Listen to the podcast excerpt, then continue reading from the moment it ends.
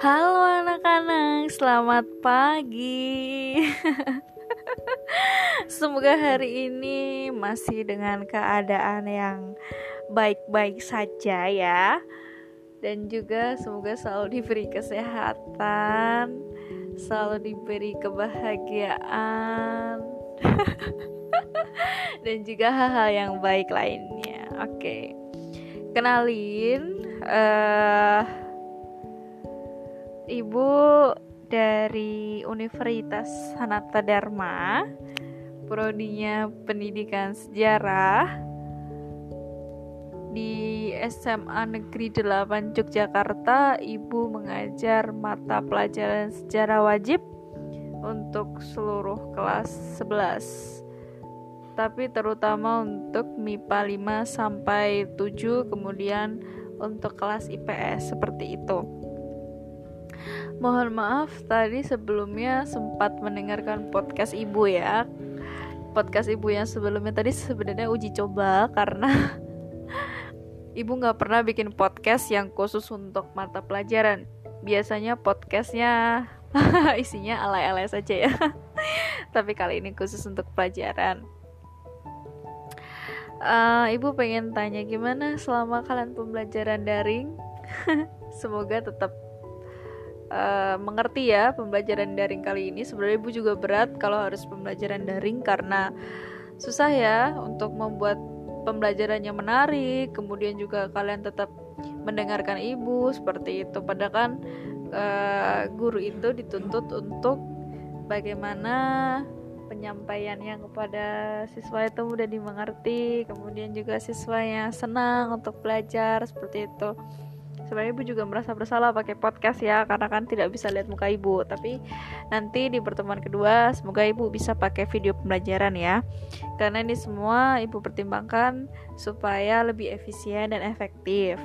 Tentunya untuk menghemat kuota bersama biar tidak membuang-buang kuota terlalu banyak untuk uh, meeting dan segala macam. Jadi kalau nanti semisal kalian memang kurang jelas gitu ibu tetap bisa melayani tatap muka tapi di luar uh, jam pelajaran seperti itu ya anak-anak jadi kemungkinan sore hari itu bisa untuk tatap muka dengan ibu ketika kalian tidak apa ya tidak merasa jelas dengan pembelajaran daring seperti ini. Tapi ini metode ibu untuk melakukan pembelajaran supaya kalian tetap mendengarkan dan juga untuk melatih bagaimana kalian bisa menghargai ketika orang lain berbicara gitu. Semoga ini bisa menjadi uh, hal yang baik di kemudian hari. Seperti itu. Oke okay, ibu akan mulai dulu dengan uh, masa pemerintahan Herman William Dendels kemudian uh, Thomas Stamford Raffles dan juga uh, masa pemerintahan Komisaris Jenderal. Uh, Ibu akan mulai dengan Herman William Dendels. Jadi Herman William Dendels ini menjadi gubernur jenderal di Hindia Belanda atau Indonesia itu pada Januari 1808 hingga Mei 1811. Ia sering disebut gubernur jenderal dari Prancis yang sangat keras dan sangat otoriter. Nah, bagaimana sejarahnya? Mengapa Herman William Dendels ini bisa ke Indonesia dan bahkan menjabat sebagai seorang gubernur jenderal di Indonesia? Nah, simak penjelasan dari ibu berikut ini.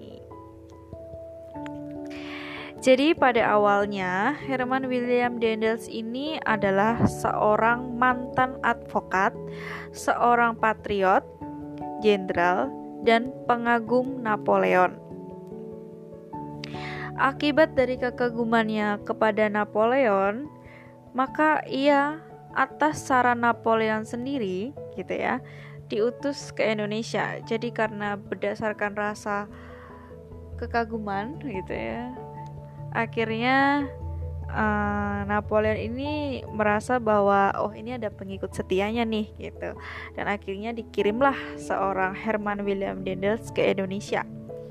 Nah, lalu tugas utamanya ini apa ya? Nah, tugas utama itu yang pertama adalah mempertahankan Pulau Jawa agar jangan sampai jatuh ke tangan Inggris. Hal ini karena polemik permasalahan perang antara Prancis gitu ya dengan Inggris yang berkecamuk pada tahun 1803. Perang ini uh, mengakibatkan Prancis dapat menguasai wilayah darat dan Inggris dapat menguasai wilayah laut. Nah, karena hal itu, maka Prancis dan pemerintah Belanda pun akhirnya menyadari bahwa sangat mustahil mengirim bantuan ke Batavia dengan jalur laut karena tentunya jalur laut telah dikuasai oleh Inggris dan juga sudah diblokade. Maka dari itu, Jangan sampai nih Pulau Jawa terus dikuasai oleh Inggris. Bagi Dendels, maka dia mengatur strategi dengan sebaik-baiknya supaya jangan sampai Pulau Jawa yang penuh dengan uh, sumber daya alam yang sangat mencukupi itu akhirnya jatuh ke Inggris. Karena kan mereka sudah terlibat perang sejak lama. Maka sangat uh, sangat hal yang susah bagi Prancis untuk uh, menangkal Inggris masuk. Tentunya dengan membangun benteng pertahanan yang akan nanti dijelaskan selanjutnya. Nah, tugas yang kedua dari Dendles ini adalah untuk memperbaiki keadaan tanah jajahan dari berbagai aspek, terutama dari penyelewengan kekuasaan dan juga dengan korupsi. Seperti itu. Karena kan semenjak bangkrutnya VOC sendiri maka banyak perubahan yang terjadi di Hindia Belanda. Terutama juga karena proses transisi dari pemerintahan uh, Belanda ke Prancis karena uh, Dendel sendiri menganut egalite, fraternite, dan liberté yaitu suatu paham yang dibawanya dari Prancis setelah revolusi Prancis pada tahun 1779. Jadi di mana di sini Dendels ini sangat berpegang teguh kekagumannya terhadap orang-orang Prancis yang dulunya adalah seorang yang sangat konservatif. Artinya orang-orang di Prancis saat itu adalah orang-orang yang konservatif, orang-orang yang memanfaatkan apa yang dia miliki di dalam tubuhnya, artinya menggunakan tangan untuk membuat sesuatu, kaki untuk membuat sesuatu, mata dan pikiran untuk membuat sesuatu dapat digantikan menggunakan mesin yang jauh lebih efisien dari segi waktu, dari segi tempat dan segala macamnya. Maka kekaguman ini pun dibawa oleh Dendels ke Indonesia.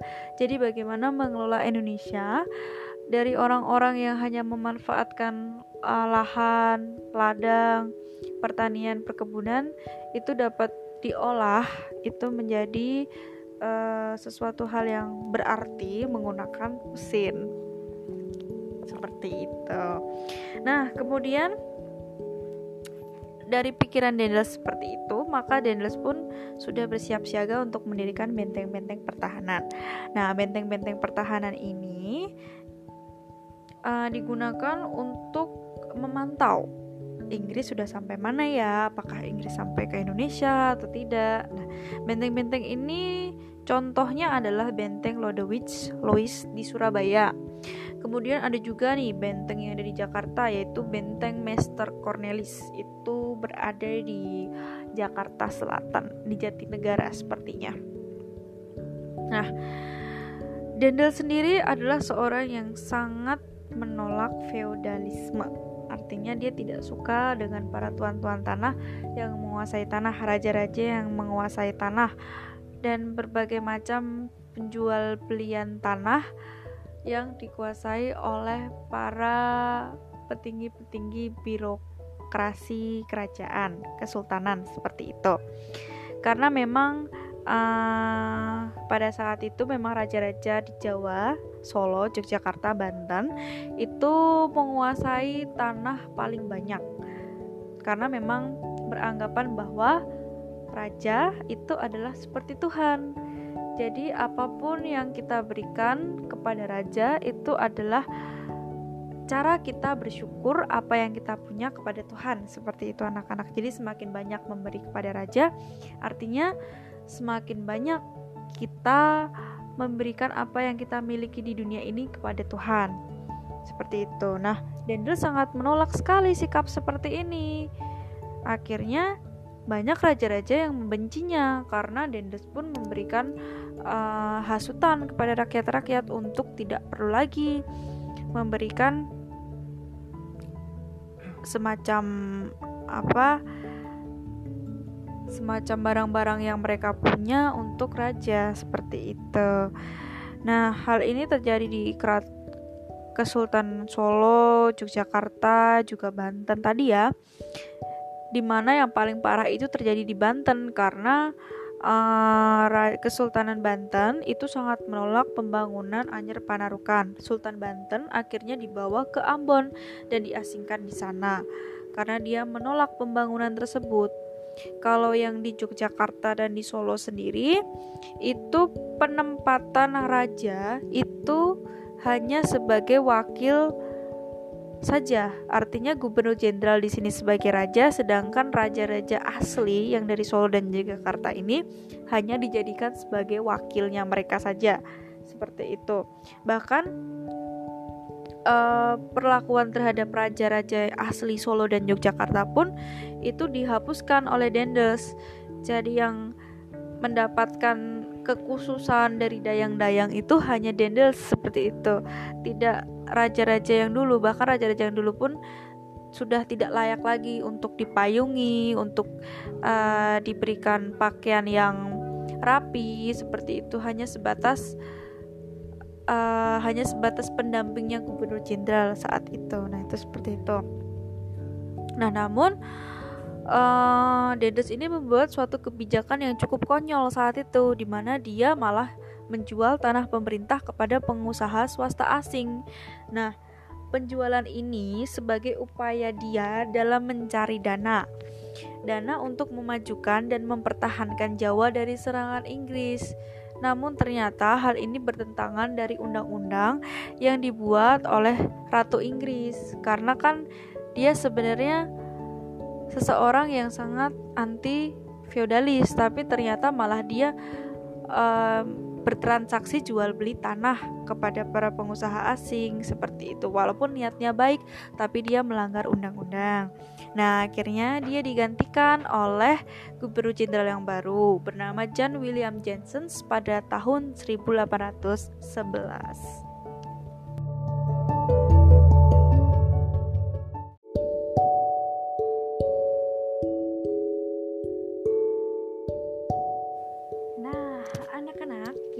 Selanjutnya ibu bakal menjelaskan tentang Thomas Stamford Raffles. Jadi dia ini adalah seorang letnan gubernur Inggris. Oh iya, sebelumnya ya. Tadi anak-anak uh, Daniels tadi digantikan oleh John William Jensen ya. Jadi sebelum Raffles ibu akan jelaskan sedikit ya.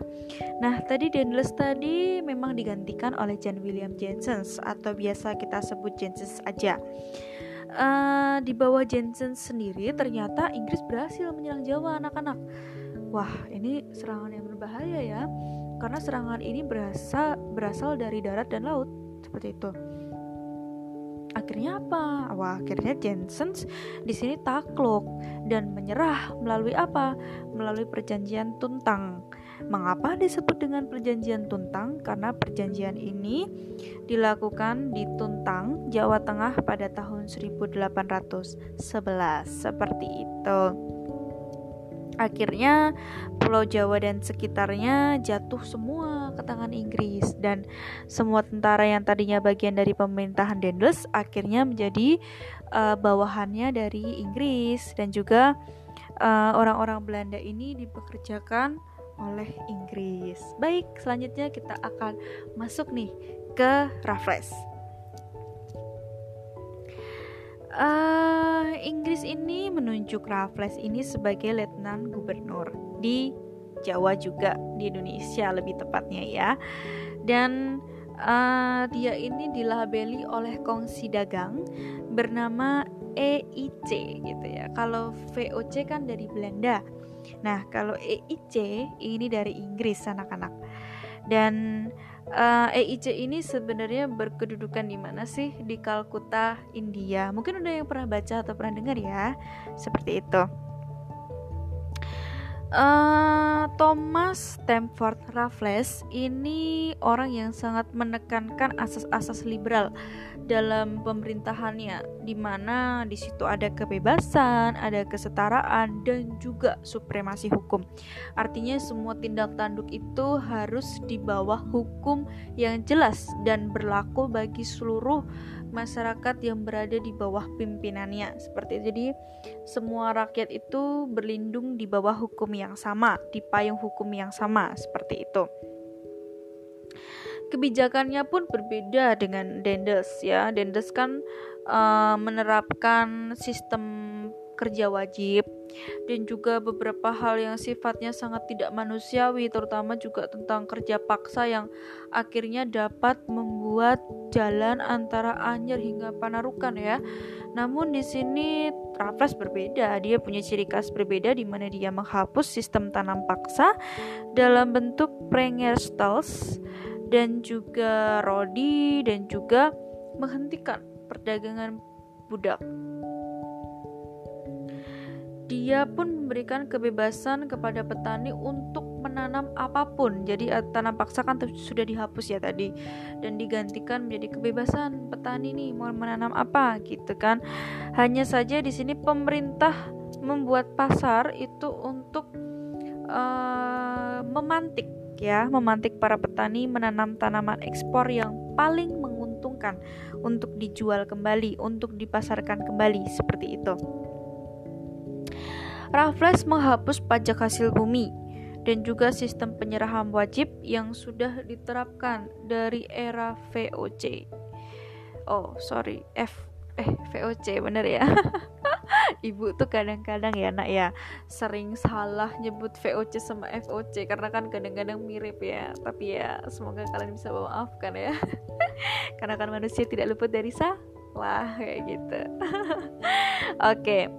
Nah, Uh, tapi dia punya kebijakan yang sangat khusus sekali anak-anak di sini. Dia menetapkan tanah sebagai milik pemerintah dan juga uh, petani di sini itu sebagai penggarap gitu.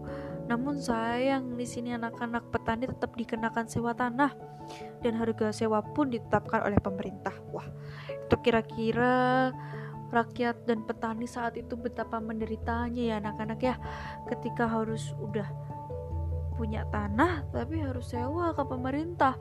Apalagi hasilnya pun harus dijual dengan hasil yang sangat menguntungkan bagi pemerintah. Artinya tidak boleh sembarangan juga kan? Walaupun dibebaskan tapi tidak boleh sembarangan. Karena harus cari yang paling menguntungkan bagi pemerintah.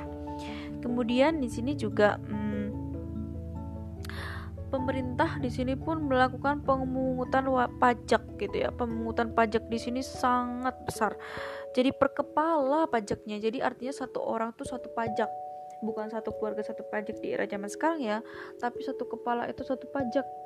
Padahal kan semacam semacam sampean ya. Semasa VOC itu kan yang dikenal pajak itu secara kolektif. Artinya secara berkelompok ya bukan secara individual seperti itu. Sedangkan di sini uh, Raffles pun hanya satu orang itu satu pajak. Wah berat banget ya. Betapa mereka harus melakukan pemberontakan saat itu. Nah akhirnya anak-anak masa kekuasaan Raffles ini relatif singkat banget. Dari tahun 1811 sampai 1816 saja. Juga karena memang berbagai macam faktor ya karena peperangan juga karena memang rakyat pun sudah berani bergejolak saat itu. Jadi akhirnya mau tidak mau Raffles pun akhirnya harus berakhir masa pemerintahannya juga karena memang sudah ada perundingan gitu ya antara Belanda dengan Prancis, Inggris maksud Ibu melalui konvensi London pada tahun 1814. Jadi di sini isinya itu uh, Belanda itu berhasil mendapatkan kembali bekas wilayah kekuasaannya di Nusantara. Kecuali mana hayo? Kecuali di Bengkulu anak-anak. Dan secara resmi penyerahan Nusantara dilaksanakan pada tahun 1816. Nah, di sinilah akhir dari pemerintahan Raffles. Begitu anak-anak.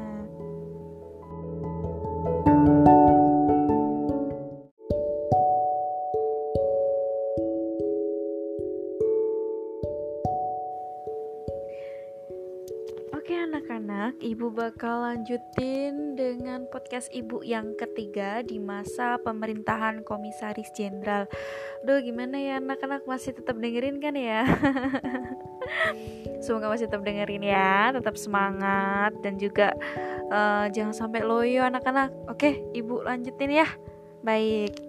Nah, masa pemerintahan Komisaris Jenderal ini dimulai sejak kapan anak-anak? Ya, sejak tahun 1816.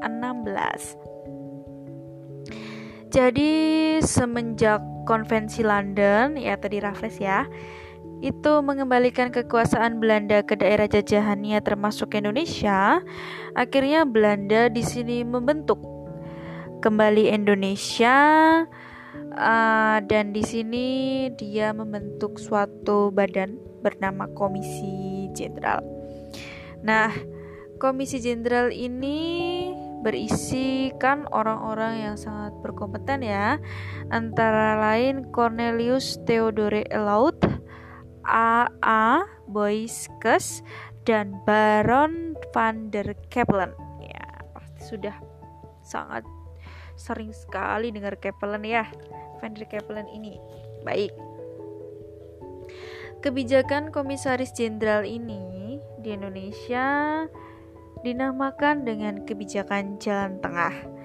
Jadi kebijakan ini uh, memberikan jalan terang bagi para kaum liberal dan konservatif di parlemen Belanda. Nah, di sini itu mereka ingin banget nih anak-anak kalau negara jajahan itu dipegang oleh pihak swasta dan juga pemerintah. Nah, Komisaris Jenderal pun di sini memutuskan bahwa negara jajahan ini dikelola oleh pemerintah, tetapi pihak swasta tetap diberikan kebebasan untuk menanamkan modalnya di tanah jajahan. Seperti itu. Nah, itu secara umumnya seperti itu anak-anak. Mungkin nanti kalau kalian pengen secara khusus untuk membahasnya bisa tanya ke ibu di saat pembelajaran. Nah, selanjutnya uh, ibu akan jelasin di era Vander Kaplan. Nah, uh, yang paling mendominasi itu adalah Vander Kaplan dan juga Van den Bos nanti anak-anak. Oke, ini adalah penjelasan dari ibu tentang masa pemerintahan Van der. Pada era pemerintahan Komisaris Jenderal, ternyata banyak sekali terjadi kegagalan politik jalan tengah. Di sini pun akhirnya pemerintah Belanda mengambil kebijakan dan menggunakan cara lain supaya uh, permasalahan ini segera selesai. Nah, Komisaris Jenderal pun akhirnya digeser oleh seseorang yang bernama Van der Kepler. Van der Kepler ini kita ketahui bersama adalah salah satu anggota dari uh, Komisaris Jenderal ya anak-anak, tapi ternyata dia ini paling menonjol di Komisaris Jenderal dan akhirnya pun dijadikan sebagai Gubernur Jenderal. Vander Kaplan sendiri mempunyai kebijakan di mana memberikan kebebasan kepada kelompok swasta untuk menanamkan modalnya di Hindia Belanda atau Indonesia.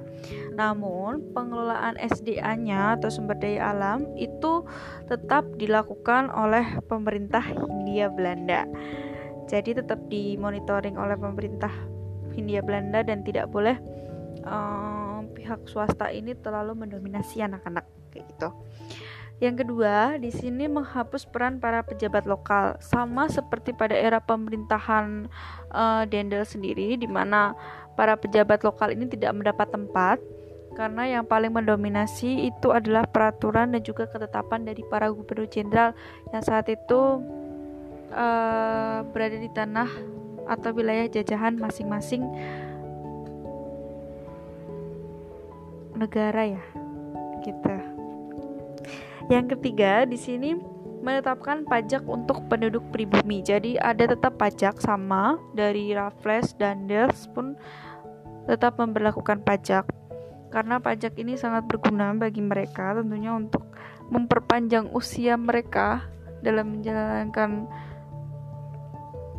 kebijakan dan juga untuk uh, apa ya namanya untuk memfasilitasi berbagai hal-hal yang mereka buat gitu loh. Misalkan mereka membuat jalan membuat uh, jembatan dan segala macam. Itu membutuhkan dana yang lebih besar karena kan kekuasaan berada di tangan mereka ya.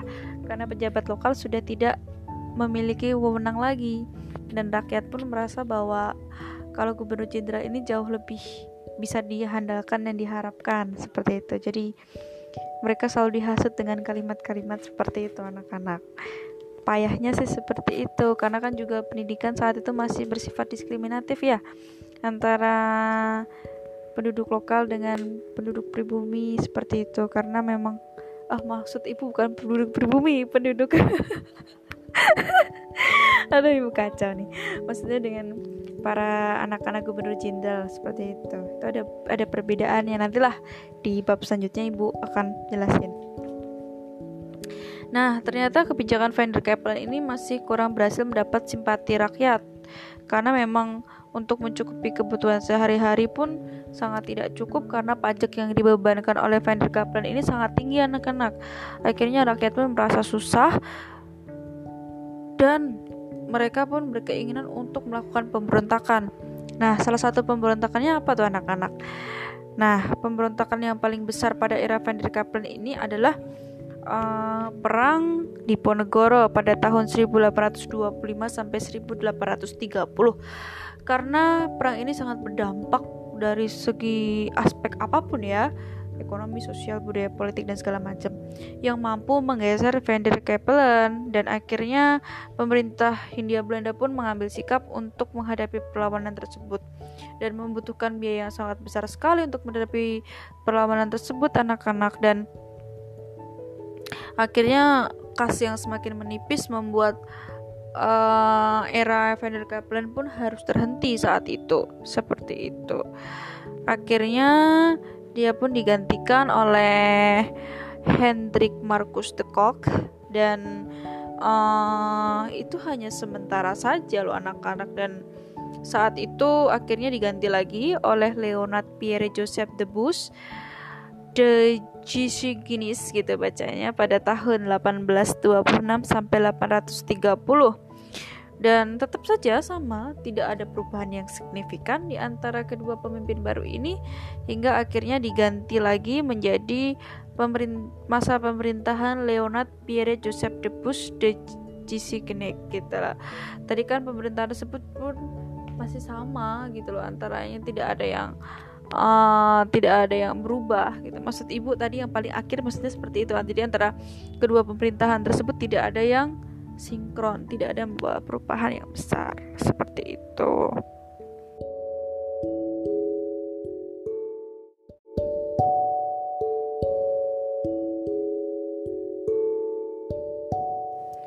Nah, oke okay, anak-anak, tadi setelah masa pemerintahan Leonard Pierre Joseph de Bush de Gisikinis dilanjutkan oleh pemerintahan Van den Bosch. Nah, latar belakangnya apa sih sebenarnya kok bisa jadi ada pemerintahan Van den Bosch ini? Nah, ternyata anak-anak itu karena pertama kegagalan politik jalan tengah di parlemen Belanda, terutama tadi dari para komisaris jenderal ya. Tadi di podcast ibu namanya komisi jenderal salah ya anak-anak bukan komisi tapi komisaris. Yang kedua kosongnya kas negara Belanda. Nah, itu karena tadi perang perang-perang yang sangat besar dari rakyat-rakyat ya, terutama Pangeran Diponegoro. Itu perang yang sangat besar juga, perang Padri. Dan dan juga dari masalah orang-orang Belanda sendiri anak-anak. Karena uh, pemerintah Belanda itu sendiri menghadapi uh, upaya pemisahan dari Belgia pada tahun 1830. Kemudian juga permasalahan korupsi yang dari era VOC hingga uh, Belanda pun ada lagi di Indonesia masih aja tetap sama budidayanya masih tetap sama. Eh kok budidaya? budaya ya budidaya ikan gitu kan ada hasilnya ini budidaya korupsi jangan ya kan nggak boleh ada korupsi korupsi gitu. Jangan sampai itu dosa sumpah. Merugikan banyak orang.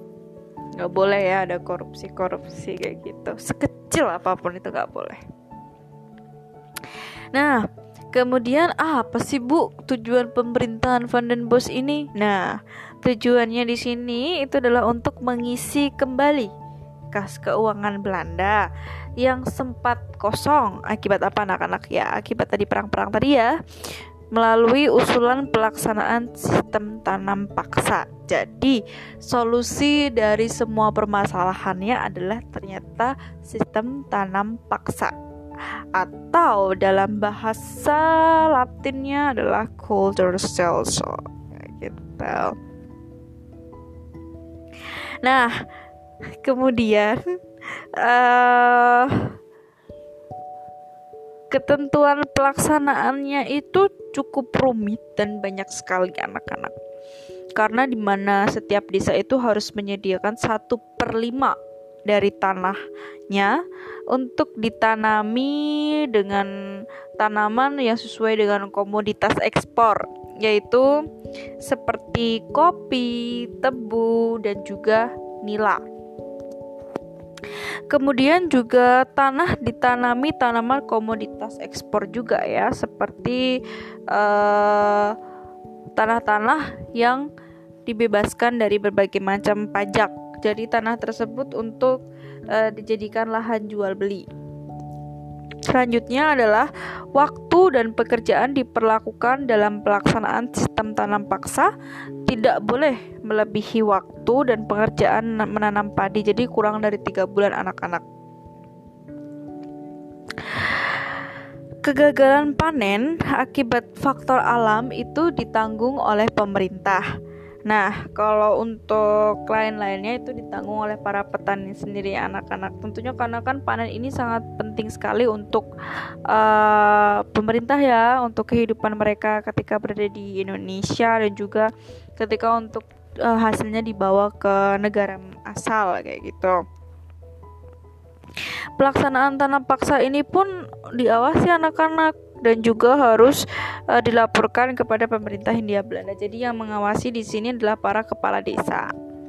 Nah, penduduk yang bukan petani itu tuh diwajibkan untuk bekerja di perkebunan dan pabrik yang disediakan oleh pemerintah. Uh, kemudian mereka tidak bisa melaksanakan wajib tanam paksa dapat diganti bekerja dengan pabrik kayak gitu uh, selama 65 hari. Tapi anak-anak dari berbagai macam ketentuan tersebut ternyata masih saja ada penyelewengan yang terjadi ya.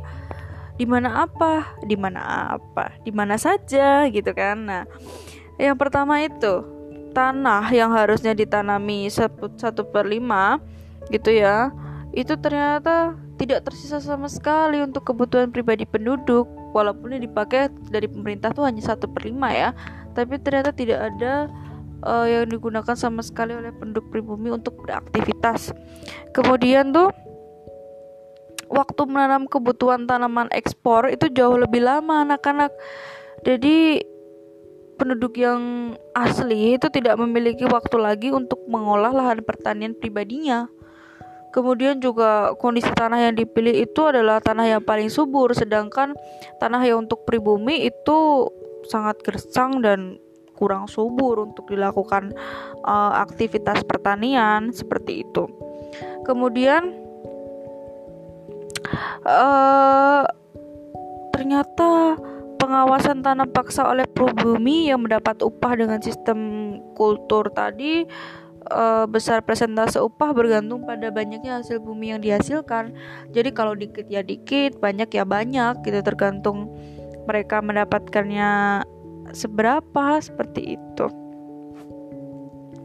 akhirnya karena banyak dampak negatif daripada positif mendapat kritikan ya anak-anak salah satu kritikan yang paling tajam itu dari orang hmm, Belanda sendiri ya yaitu Edward Thomas Dekker atau nama samaranya adalah Multatuli melalui buku karyanya berjudul Max Havelaar pada tahun 1860 di mana uh, dia ini merasa bahwa pelaksanaan sistem tanam paksa menyengsarakan uh, rakyat Indonesia seperti itu. Dia rakyat Indonesia hanya diperas habis-habisan.